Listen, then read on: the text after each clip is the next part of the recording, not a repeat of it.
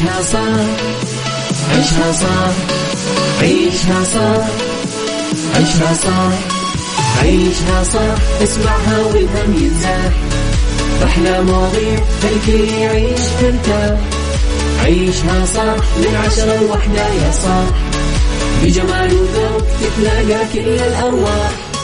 فاشل واتيكيت يلا نعيشها صح beauty وديكور يلا نعيشها صح عيشها صح عيشها صح. على Mix FM يلا نعيشها صح. الآن عيشها صح على Mix FM. Mix FM هي كلها في ال mix. هي كلها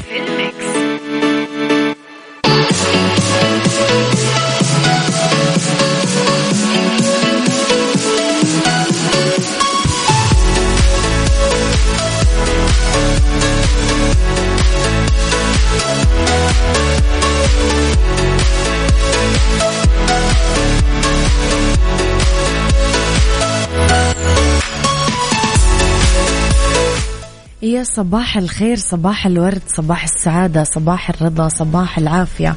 تحياتي لكم مستمعينا وين ما كنتم. صباحكم خير. من وين ما كنتم تسمعوني أرحب فيكم. من وراء ال mic وال control. أميرة العباس بيوم جديد حلقة جديدة صباح جديد ومواضيع جديدة. ساعتنا الأولى أخبار طريفة وغريبة من حول العالم جديد الفن والفنانين وآخر القرارات اللي صدرت ساعتنا الثانية. قضية رأي عام وضيوف مختصين ساعتنا الثالثة. آه، فقرات مختلفة ومتنوعة. صحة جمال ديكور اتيكيت mix hacks the right track star of the week psychology ربط أحزمة وغيره من الفقرات الحلوة. على تردداتنا بكل مناطق المملكة اسمعونا على رابط البث المباشر وعلى تطبيق Mix FM Android و iOS أكيد إحنا دايما موجودين. إذا مستمعينا كمان تقدرون ترسلوا لي رسائلكم الحلوة دايما على الواتساب وتقدرون تتابعون أخبارنا طول الوقت. صبحوا علي قولوا لي كيف صباحكم وقولوا لي أنتم وينكم.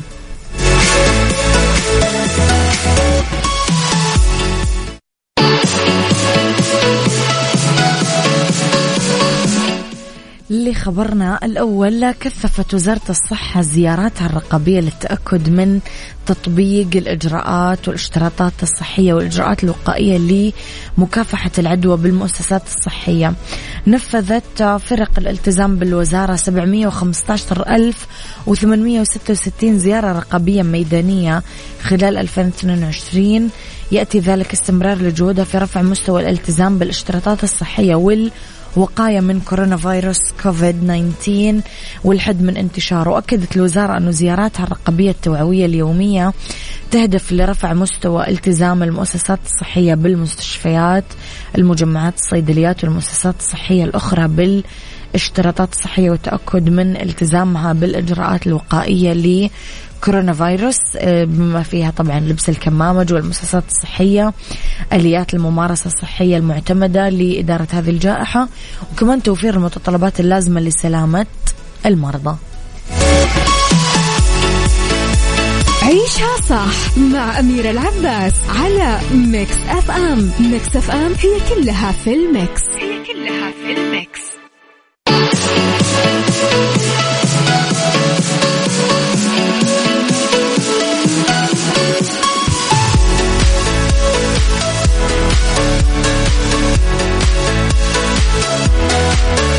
We'll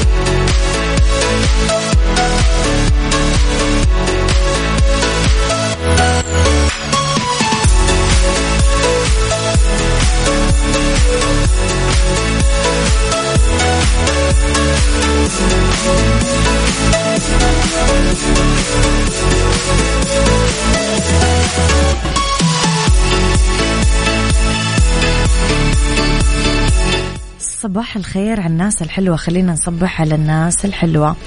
صباحك ورد وفل وياسمين. أميرة يقال فاقد الشيء لا يعطيه وأقول إلا النبلاء أصحاب القلوب الطيبة. كلما ذاقوا مرارات الفقد تفننوا في حلاوات العطاء. نعم. صح يا أبو عبد الملك. صباحكم. بسمة أمل تزيح عن أكتافكم أوجاع الحياة. صباح الخير يا أميرة. وصباح الورد على حسن السكري. سعد صباحك يا صديقي عمرو الاسكندراني. صباح الخير والجو الجميل لك أميرة وللجميع. يا رب يوم جميل ورايق وسعيد. صباح جمي... جميل. الحمد لله أصبح عليك من البيت وأستعد لعمل وجبة الغداء. أختك لطيفة يسعد. صباحك يا لطيفة. صباح الخير على الجميع من بسام الورافي صباح عيشها صح مع أميرة العباس على Mix FM. Mix FM هي كلها في ال mix. هي كلها في ال mix. تحياتي لكم مستمعينا. ردت الفنانة اللبنانية نادين نسيب نجيم على واحد من متابعينها بعد ما تمنى منها إنها تعتزل التمثيل عام 2023 بتويتر. آه، أول شيء نادين سألت في تويتر قالت شو بتتمنوا تحققوا السنة الجديدة 2023 لقى السؤال تفاعل كبير بين المتابعين اللي كتبوا أمنياتهم وبعضهم عبروا عن حبهم لها. وتمنوا لها النجاح بكل أعمالها المستقبلية. بس واحد من المتابعين كالعادة لازم يطلع لك أحد كذا من من تحت الأرض يعني.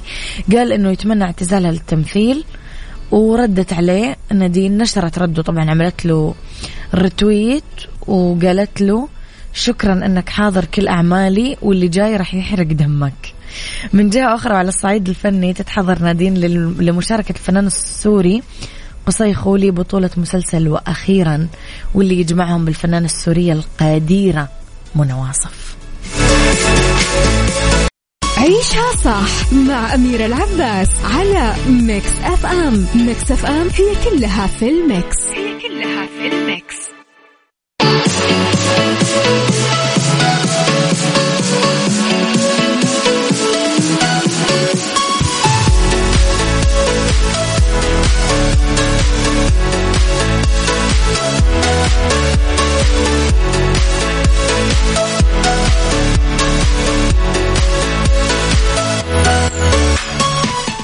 صباحكم خير مستمعينا. وصل النجم البرتغالي كريستيانو رونالدو مساء أمس الاثنين لمطار الملك خالد الدولي بالرياض لبدء مشروع مشواره ومشروعه رسميا مع نادي النصر برفقة عائلته. وفي طبعا طيارته الخاصة وراح يجري آه، ظهر اليوم الثلاثاء فحص طبي آخر على أن يتواجد بالمساء في ملعب مرسول بارك فيما شددت مصادر على صعوبة مشاركة اللاعب بمباراة الطائي الخميس المقبل.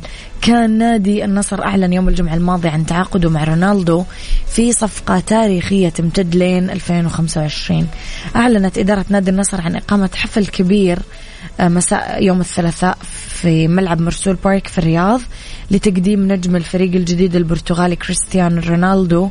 أمام جماهير النصر وذلك بعد ما أتمت إدارة النادي التعاقد معاه رسميا لينتقل للفريق ويرتدي شعار النصر بفريق الميركاتو آه، الشتوية الفترة هذه الحالية وكشفت المصادر المطلعة أنه برنامج الحفل راح يتخلل عدد من الفقرات من أبرزها كلمة يلقيها رونالدو أمام الجماهير آه، كلمة لرئيس النادي مسلي المعمر وتذكر الحفل أصلا اليوم نفذت بالكامل بعد ساعة من طرحها. في إشارة واضحة وصريحة إنه حفل تقديم رونالدو راح يحظى بدعم جماهيري كبير وأشارت إدارة النصر على إنه ربع عوائد دخل الحفل سيتم تحويله لمنصة إحسان.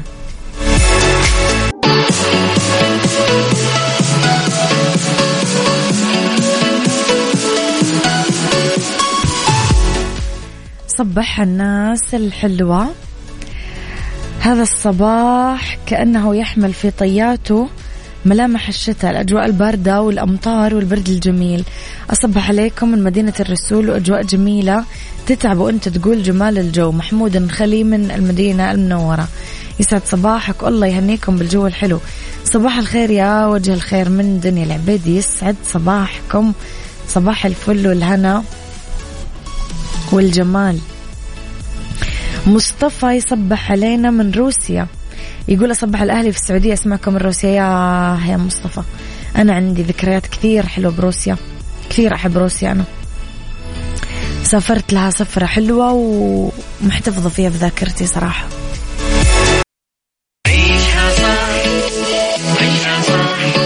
عيشها صح. عيشها صح. عيشها صح.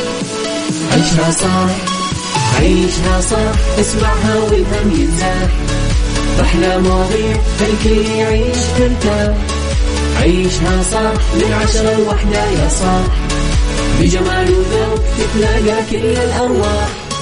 فاشل واتيكيت يلا نعيشها صح beauty وديكور يلا نعيشها صح عيشها صح عيشها صح على Mix FM. يلا نعيشها صح. الآن عيشها صح على Mix FM. Mix FM هي كلها في ال mix. هي كلها في ال mix.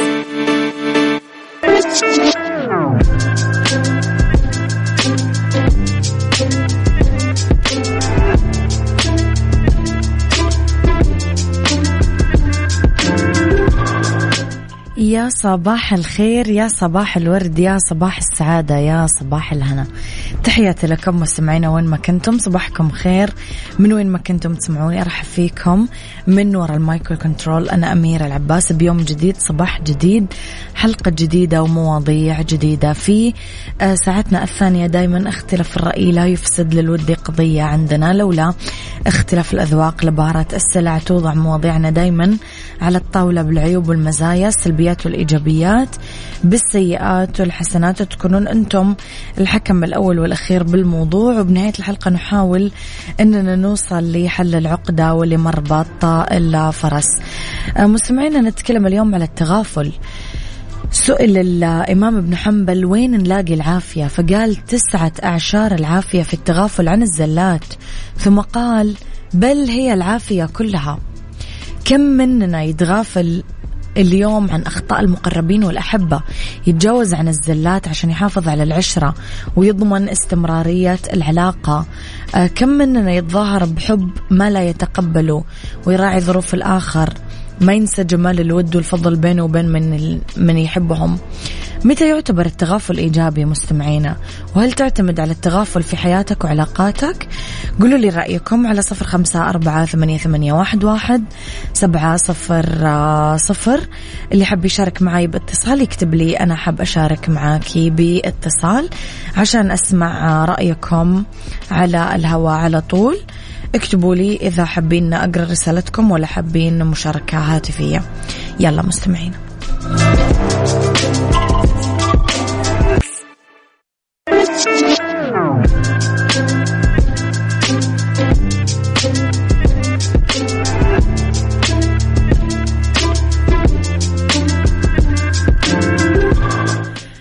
إذا مستمعينا سؤالنا في حلقة اليوم متى يعتبر التغافل إيجابي؟ وهل تعتمد على التغافل بحياتك وعلاقاتك؟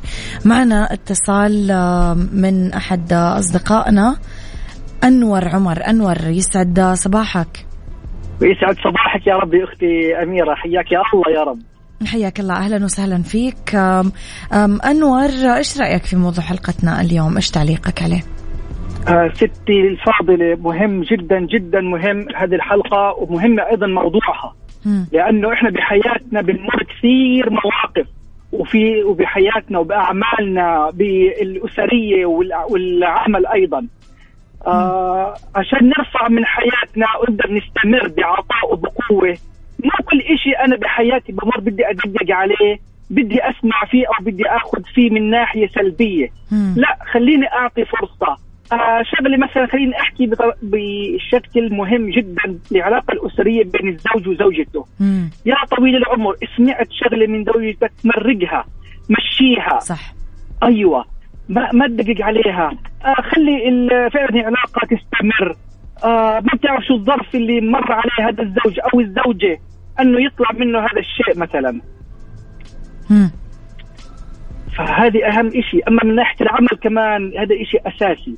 عشان برضه حياتك تستمر بعطائها بقوتها بإيمانك اللي أنت مؤمن فيه. متى يكون التغافل سلبي يا أنور؟ أوه التغافل سلبي لما يكون شغلة معينة مثلا بموقف معين أنك ما تأخذ فيه حقك. شيء لازم. أيوه حقك. مم. بمعنى أنك آه ما تنصر مثلا أخوك ما ما ما تعطي الحق الحقيقي لصاحب. العلاقة أو لنفسك حتى. آه هون خط هون التغافل لا. سلبي للغاية. راح يأثر عليك. ممكن لا سمح الله توصل للندم. بس. فإحنا لازم نكون عاملين توازن ما بين إني أعمل تغافل ذكي أو تغافل آه، سلبي. أكيد. يعني مو كل حاجة في حياتي أدقق لا. عليها. لا لا لا لا. أكيد أكيد مم. أكيد. أيوه هذه أصلا حياتنا كلها بتوازن. كيف صحيح إحنا ماشيين؟ كلنا بتوازن. نعم. شكرا أنور يعطيك العافية. أسعدتنا مشاركتك. تحياتي لك. اشكرك الله يسعدك. إذا مستمعينا سؤالي لكم اليوم. متى يعتبر التغافل إيجابي؟ وهل تعتمد على التغافل بحياتك وعلاقاتك ولا لا؟ قولوا لي رأيكم على صفر خمسة أربعة ثمانية, ثمانية واحد, واحد سبعة صفر صفر. اللي حاب يشارك معي باتصال يكتب لي أنا حاب أشارك باتصال. يلا.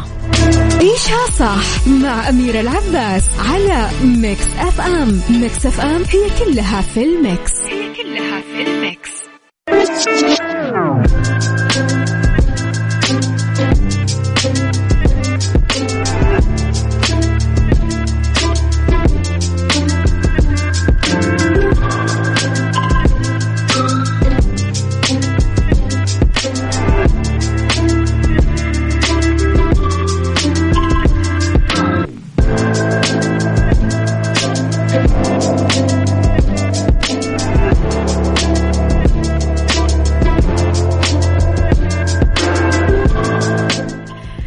تحياتي لكم مستمعينا مصطفى السلمي من أوكرانيا. يسعد صباحك يا مصطفى. ما أعرف الناس اليوم ليش مصرة ترجعني بالذكريات. يسعد صباح الناس اللي بأوكرانيا. كمان كان لي سفرة لأوكرانيا وكمان كانت حلوة. هي نفس سفرة روسيا. قاعدين يرجعوني على ورا الناس يا جماعة. شوفوا مصرين يحيون الماضي.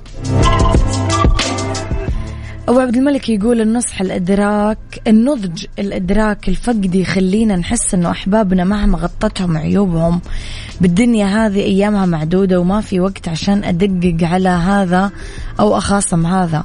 علمتني الأيام إنه أتقبل الناس مثل ما هم على علاتهم وما أدور على الكمال.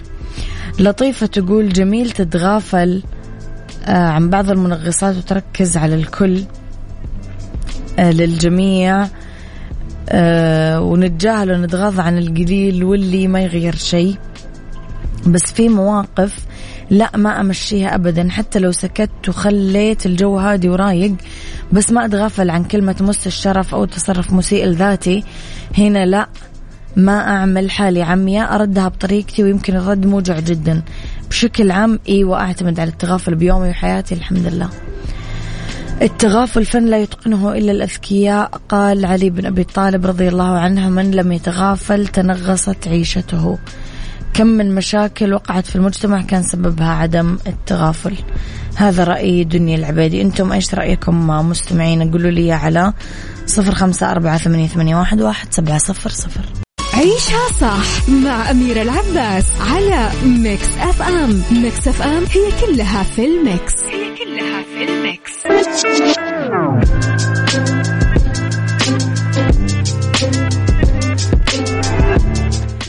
واحدة من البنات مستمعينا تقول إنه بعد يوم شاق من شغلها حطت والدتها الطعام قدام أبوها وجنبه خبز محمص بس للأسف كان محروق. خافت البنت في هذاك الوقت ظنت أنه ردة فعل أبوها بتكون كارثية وسيئة كثير فقالت بقرارة نفسها الله يعين أمي.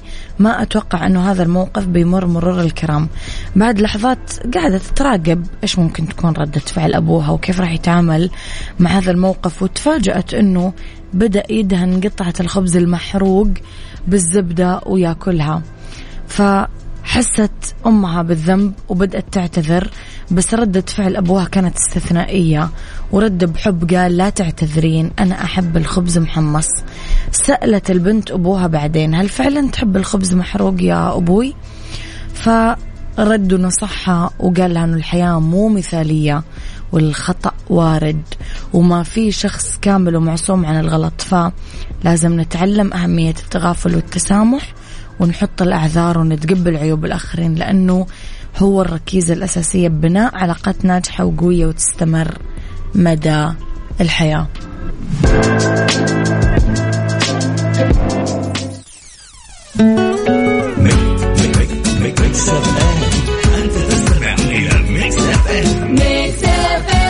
It's all in the mix. all in the mix. يعني مستمعينا ببساطة تغافل وتجاوز الزلات مهم وطرق اكتسابها هو إدراك أننا بالأخير بشر عندنا عيوب ونواقص الكمال لله وحده وأخطاء الناس بلا شك تصير مقبولة إذا غيرنا نظر نظرتنا وردة فعلنا. اتجاه هذه النواقص وركزنا على الإيجابيات ومحاسن الناس فلا ضير في تقبل الخبز المحمص إلى درجة الاحتراق بدلا من جرح الخواطر وكسر القلوب.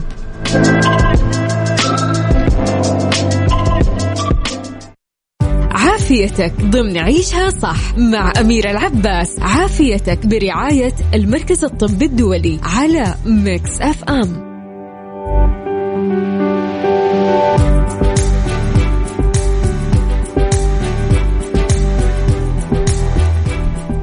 يسعد مساكم مع مستمعينا تحياتي لكم وين ما كنتم. مساكم خير من وين ما كنتم تسمعوني. أرحب فيكم من وراء المايكل كنترول أميرة العباس في أولى ساعات المساء وآخر ساعات عيشها صح. أرحب فيكم آه، في هذه الساعة واللي كل يوم ثلاثاء طبعا تكون برعاية المركز الطبي الدولي. طبعا مستمعينا اسمحوا لي أرحب بضيفنا اليوم في الاستوديو الدكتور محمد شويل استشاري طب وجراحة العيون والجراحات القرنية وجراحات تصحيح النظر من المركز الطبي الدولي. آه يسعد مساك دكتور. يسعد مساك يا أهلا وسهلا فيك منورنا. دكتور رح نتكلم اليوم أنا وياك على جراحات تصحيح النظر وعمليات المياه البيضاء وزراعه العدسات خلينا نبدأ بأول سؤال إيش يعني عمليه تصحيح النظر طيب عمليات تصحيح النظر تعتبر من العمليات ال- يعني نقول المنتشرة كثير نعم. خاصة مطلوبة. مطلوبة. خاصة عند صغار السن أو الشباب آه هي كل الفكرة أنه الآن في الفترة اللي نحن نعيش فيها بنستخدم القريب بشكل كبير جدا جوال كمبيوتر. فبالتالي كثير من فئة الشباب عندهم قصر نظر. فنحن نعالج قصر النظر يا إما بنظارة يا إما بعدسات يا إما بعملية. مم. فمن هنا جاء اسم عملية تصحيح النظر. والبعض بالنسبة لهم يمكن مرهق أو مزعج موضوع النظارة الطبية أو العدسات اللاصقة صحيح. فيدورون على الحلول الأسهل. دكتور إيش عملي أنواع عمليات تصحيح النظر؟ مميزات وعيوب كل نوع.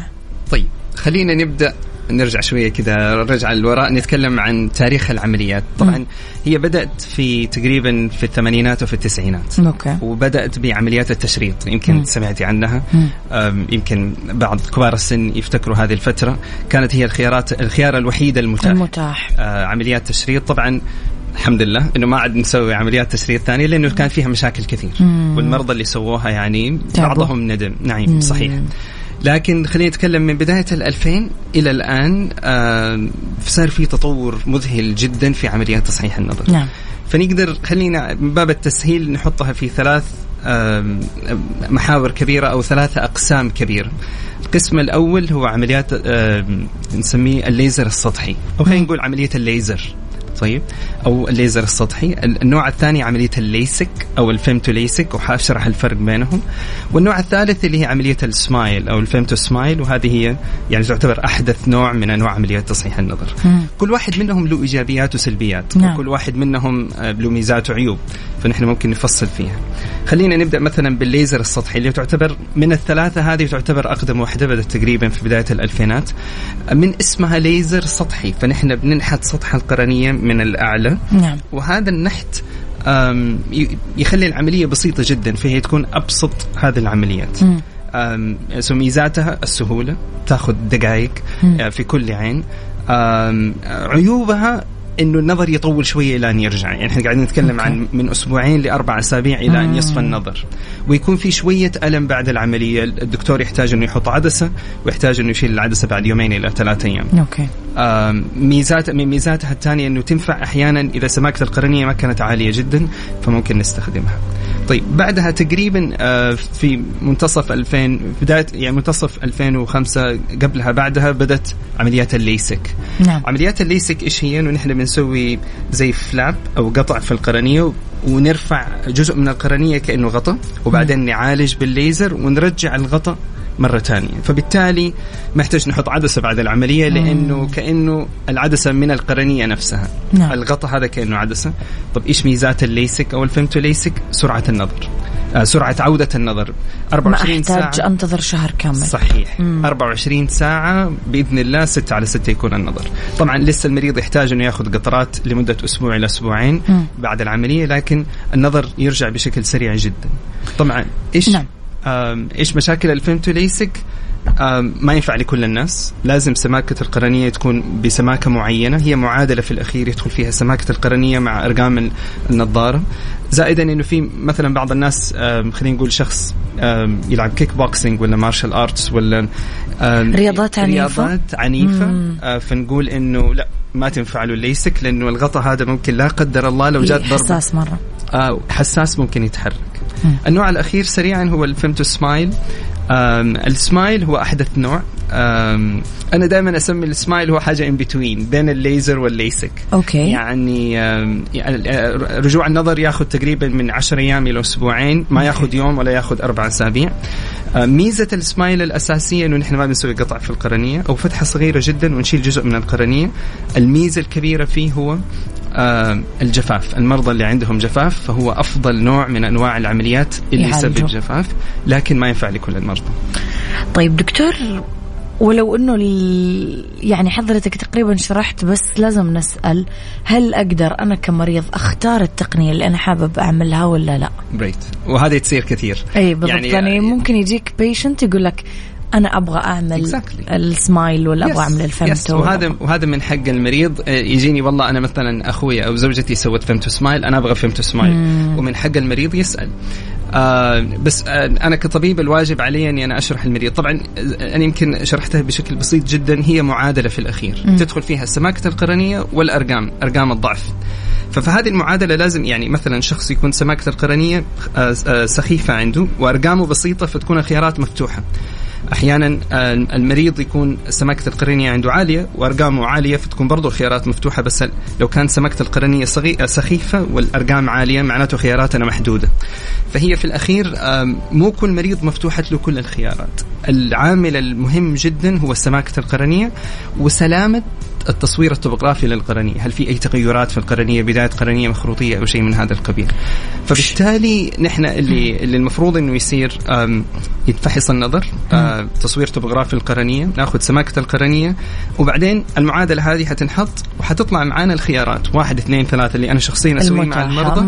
أقول له متاح لك ليزر LASIK femto LASIK SMILE إيش واختار تبغى؟ واحدة اختار. فيهم. بس مو آه، مو كل المرضى تكون مو تقدر. تجيب طلبك Exactly. الجاهز دكتور أنا وياك رح نطلع فاصل ورح نرجع نكمل حوارنا مرة أخرى أكيد اللي عنده أي سؤال بخصوص جراحات تصحيح النظر وعمليات المياه البيضاء وزراعة العدسات يكتب لنا إياه أنا والدكتور على صفر خمسة أربعة ثمانية ثمانية واحد واحد سبعة صفر صفر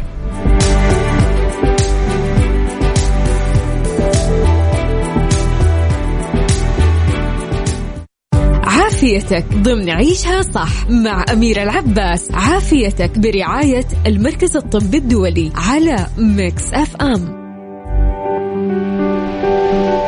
تحياتي لكم مستمعينا تحياتي مجددا لضيفي في الاستوديو دكتور محمود شويل استشاري طب وجراحة العيون وجراحات القرنية وجراحات تصحيح النظر من المركز الطبي الدولي.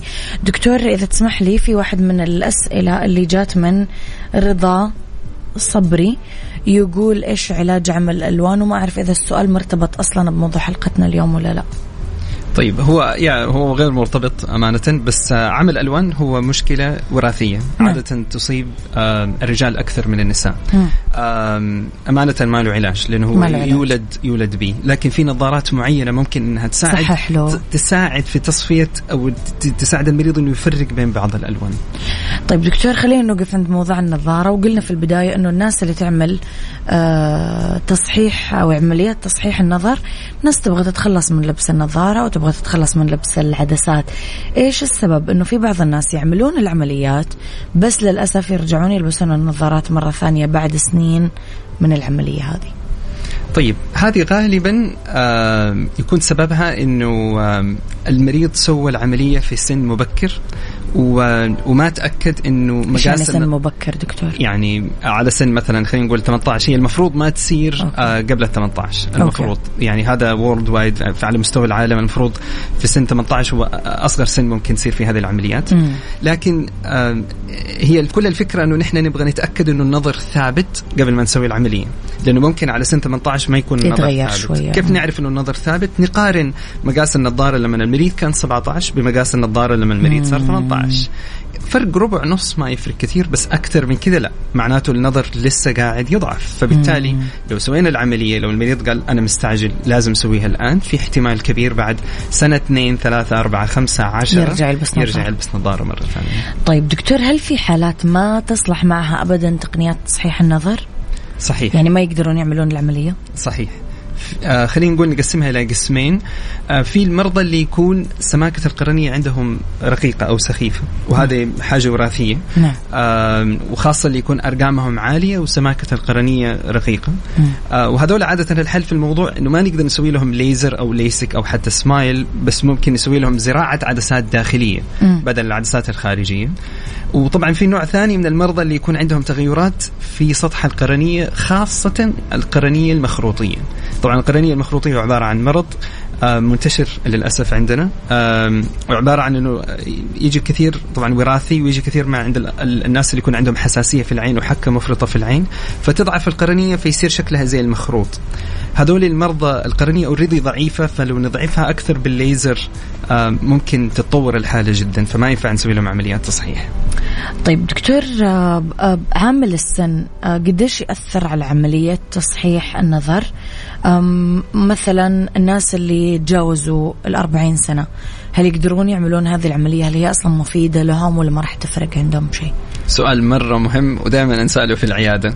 لأنه يجي مريض مثلا دكتور نحن سمعنا عمليات ما تنفع لي بعد الأربعين. هل صح ولا لا؟ والجواب ما هو إيوه ولا لا هو يعتمد. على الحالة نفسها. يعتمد على الحالة والمريض إيش يبغى. هو لازم في حاجة معلش لازم أشرحها إنه خلينا من باب التبسيط نقول إنه القرنية هي المسؤولة عن النظر للبعيد. طبعا الكلام هذا علميا ما هو مرة دقيق بس أنا أسهله للمرضى. نعم. وعدسة العين هي المسؤولة عن ال focus في العين ال focus للقريب. طبعا هذا الفوكس بعد سن الأربعين العضلات تبدأ تضعف آه فيبدأ المريض يجد صعوبة في القراءة. فنحن بعمليات التصحيح أنا حساعد المريض أنه يشوف بعيد وواضح فمو اني ما أقدر أسويها أسوي لسن 18 زي سن 45 بس الفرق بينهم إنه في سن ال 18 أو ال 20 أو 25 أو 30 عدسة العين بتعطيني القريب. فأنا بصلح للمريض البعيد وعدسة العين بتعطي له القريب. في سن ال 45 أنا حصلح البعيد بس في احتمال كبير إنه المريض يحتاج يلبس نظارة قراءة بعد العملية. فهذا الشيء الفرق الجوهري ما بين الاثنين. طيب دكتور خلينا نروح 10 سنين كمان زيادة ونقول طيب. لك طيب الناس اللي عمرهم 50 Right. هي في الع- ضعف ال- العضلات اللي حوالين عدسة العين آه. آه. تبدأ على سن 42 45 أوكي. بس تستمر في النزول يعني مم. بمعنى أنه على سن 50 55 60 هي بتنزل أكثر مم. فبالتالي احتياج المريض إلى نظارة قراءة حيزيد ما حيقل نعم.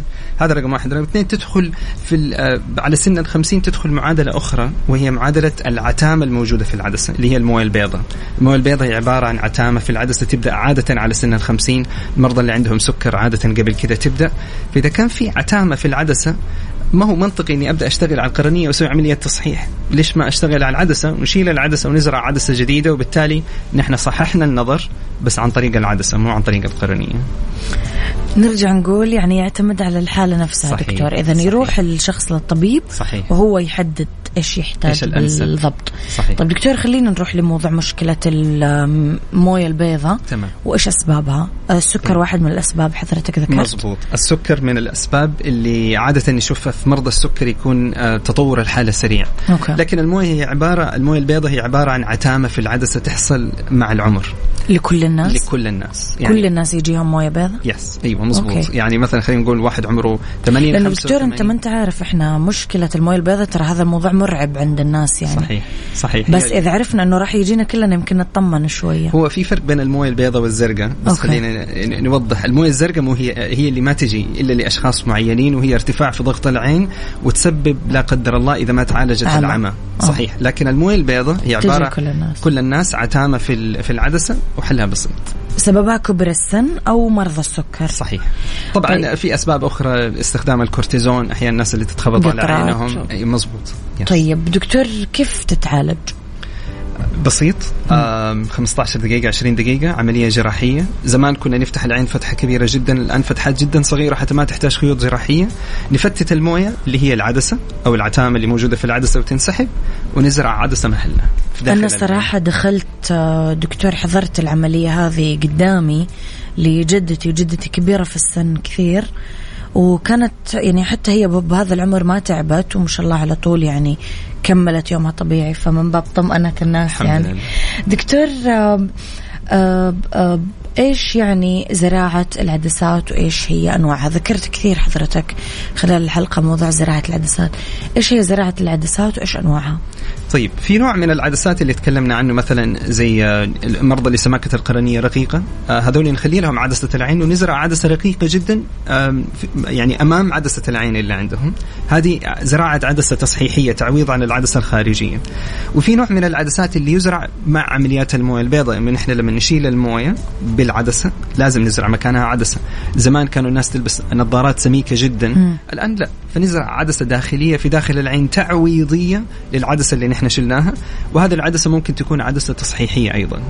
دكتور حضرتك قاعد تشرح الموضوع ببساطة شديدة. هل هو بهذه البساطة اللي حضرتك قاعد تشرح؟ هو بسيط. الموضوع بسيط. بس إحنا يمكن لأنه عيوننا فنخاف مظبوط. شوية. أكيد. طب دكتور أبغى معلش تسمح لي أرجع شوية للموية البيضاء. إذا أنا شخص جالس في البيت كيف أدرك إنه أنا بدأ يصير عندي موية بيض قبل ما. أروح للدكتور.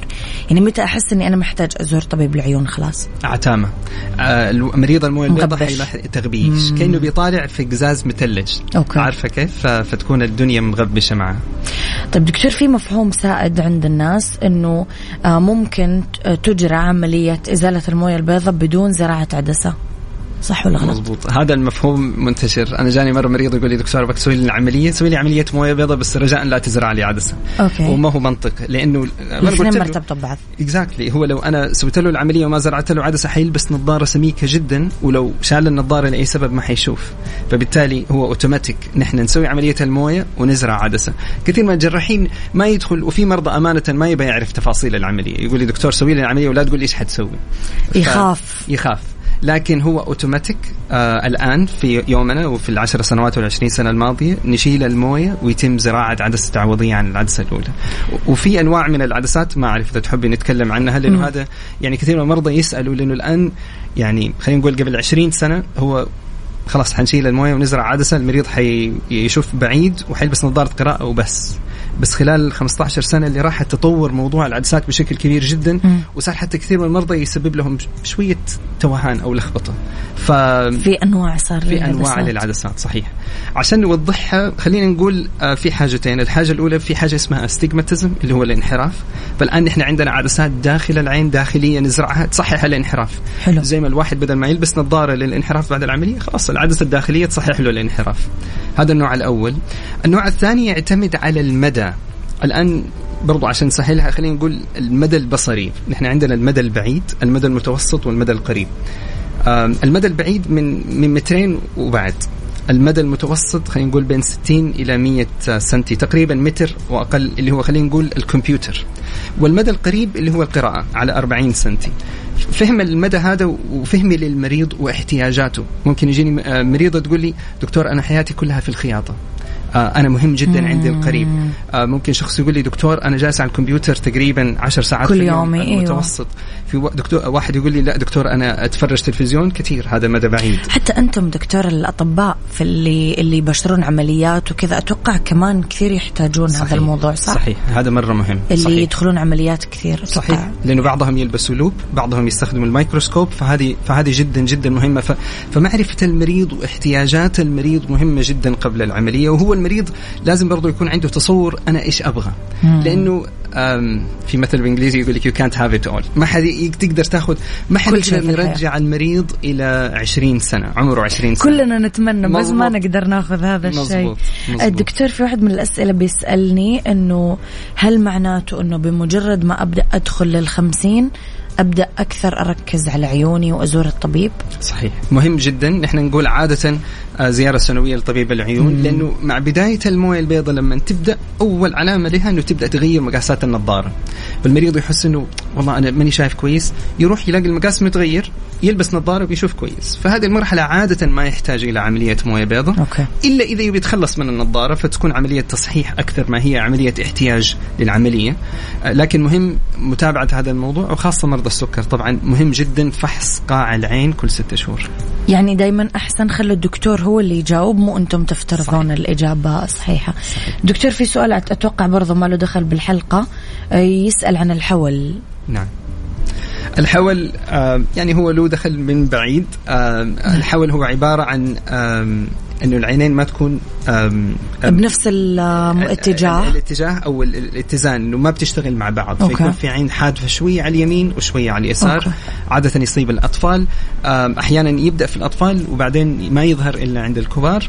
طبعا إذا كان في حول وعملية تصحيح لازم يشوف المريض يشوف طبيب مختص بالحول هم عادة أطباء عيون الأطفال عشان يدينا ال clearance thumbs up إنه نحن نقدر نسوي عملية التصحيح لأنه أحيانا عملية التصحيح ممكن تساعد في الحول وممكن تسوء الحالة.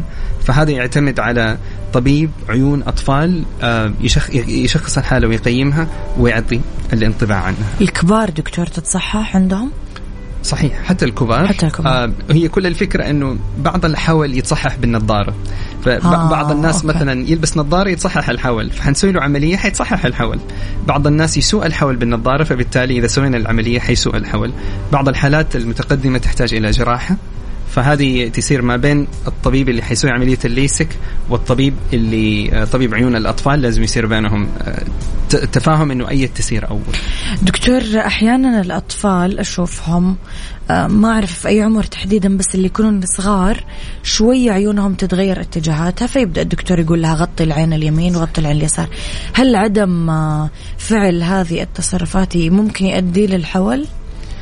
آه اللي ما بيسمعوا كلام دكاترة العيون يعني مزبوط هي okay. هو actually الحول اللي ممكن يؤدي إلى الحاجة اللي نسميها أكثر حاجة تخوفنا كسل العين آه كسل okay. العين انه إنه العين تصير واحدة من العين أضع أو ان العيون أضعف, أضعف من العين من الثانية, الثانية. فيصير الطبيب يقول للأهل لازم يلبس نظارة ويغطي عين عشان يجبر العين الثانية إنها تشوف عشان ما ندخل في قضية الكسل قضية الكسل مهم جدا إنه عندنا ويندو عندنا آه، آه، مدة معينة اللي هي السبع وثمان سنوات الأولى هذه اللي نحن نقدر نصححها فيها.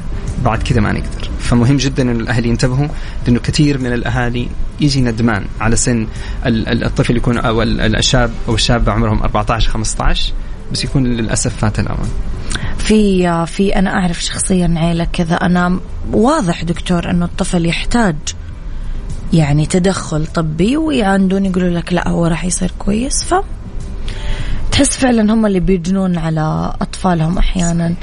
بنهاية الحلقة دكتور إيش النصيحة اللي تقدمها للمستمعين؟ طيب بما إنه بنتكلم عن جراحات تصحيح النظر و المياه البيضاء. الاثنين هذه النوعين من العمليات وإن كانت بسيطة جدا وإن كانت سهلة آه، نسبة المضاعفات فيها قليلة جدا آه، لكن الاثنين تسبب جفاف في العين. وهذا يعني كثير من المرضى يشتكوا منها بعد عمليات المياه البيضاء وبعد عمليات التصحيح. ف... فهي النصيحة اللي أنا بقدمها على قضية الجفاف إنه إذا واحد مقبل على عملية تصحيح أو عملية موية بيضاء الأفضل إنه يبدأ بقطرات الترطيب من قبل بحيث إن إحنا نحسن الجفاف إلى قريب من الطبيعي لأنه حيزيد الجفاف. ما بالك الشخص اللي يدخل على هذه العمليات وعينه أصلا ناشفة فبالتالي يتعب جدا بعد العملية. فنركز عليها. صحيح. وفي rule وهي قاعدة نسميها قاعدة العشرينات. هذه قاعدة مهمة جدا لأنه نستخدم ال electronics الإلكترونيات كثير في حياتنا. صح. جوال كمبيوتر. فالقاعدة تقول أنه المفروض كل 20 دقيقة okay. ناخذ break لمدة مم. 20 ثانية ونطالع في شيء على بعد 20 آه، قدم. حاجة بعيدة. حاجة بعيدة. تدي break. 20 ثانية فقط. لو واحد بيفكر فيها ترى ما حتأثر على على مدى آه، على مدى عمله أو على إنتاجيته لكن حتريح العين كثير. طب دكتور الخرافات حقت قطر عينك بشاي وقطر عينك بمدري إيش ومدري إيش ومدري إيش كل يوم بيطلعوا لنا بشيء. إيش تعليقك على هذا الموضوع؟ هذا شيء فعلا كويس ولا سيء؟ طيب بالنسبة للشاي لأنه في في حاجات دكتور فجأة طيب. صاروا يقولوا لنا إنه تسبب عمى انتبهوا ومدري إيش فما نعرف إيش صرنا صح ولا الغلط؟ ريت الشاهي آه، طبعا أكيد سمعتيها من أحد كبير في السن. صفي العين ومرة ممتاز أكيد سمعتيها من أحد كبير وايوه طبعا طبعا. اسأل. اسأل مجرب بس نقول ولا تنسى الطبيب. مو ولا نعم. تسأل الطبيب لا تنسى. آه طبعا هو كلامهم صح. الشاهي الناس اللي يجيهم حبوب في العين أو آه، التهابات في أطراف الجفون آه أهل الأول كانوا يحطوا أكياس الشاهي الدافية على العين فتتحسن العين فيقول لك الشاي مادة معقمة. الشاي ما هو مادة معقمة. اللي بيحسن العين هو الدفى والحرارة. آه. كمادات دافية حتأدي نفس الغرض الشاي ما له أي. علاقة. اللي يحب يستخدم الشاي يستخدمه. آه لكن هي الفكرة كلها في الكمادات الدافية. يعني دكتور أحسن ما نحط شيء ما نعرف إيش مظبوط. قصته بعيننا. exactly يعني أنا أقول عادة المرضى أنا ما أقول لهم حطوا كمادات شاي أقول كمادات موية دافية أو حتى الكمادات الجافة زي ال- ال mask اللي تتلبس تنحط في الميكروويف آه، تتلبس على العين تؤدي الغرض آه، تفتح القنوات الدمعية وتساعد جدا في الجفاف. دكتور يعطيك العافية. الله. نورت حلقتنا شكراً اليوم يعطيك دكتور العافية. محمود شويل استشاري طب وجراحة العيون وجراحات القرنية وجراحات تصحيح النظر من المركز الطبي الدولي. موضوعنا كان عن جراحات تصحيح النظر وعمليات المياه البيضاء وزراعات العدسات. اللي فات الحلقة يقدر يرجع يسمعنا على تطبيق Mix FM. آه تقدرون ترجعون أكيد تسمعون الحلقة وتلقون آه حسابات الدكتور آه أكيد كمان موجودة عندنا دكتور أشكرك العفو. مجددا تحياتي لك شكرا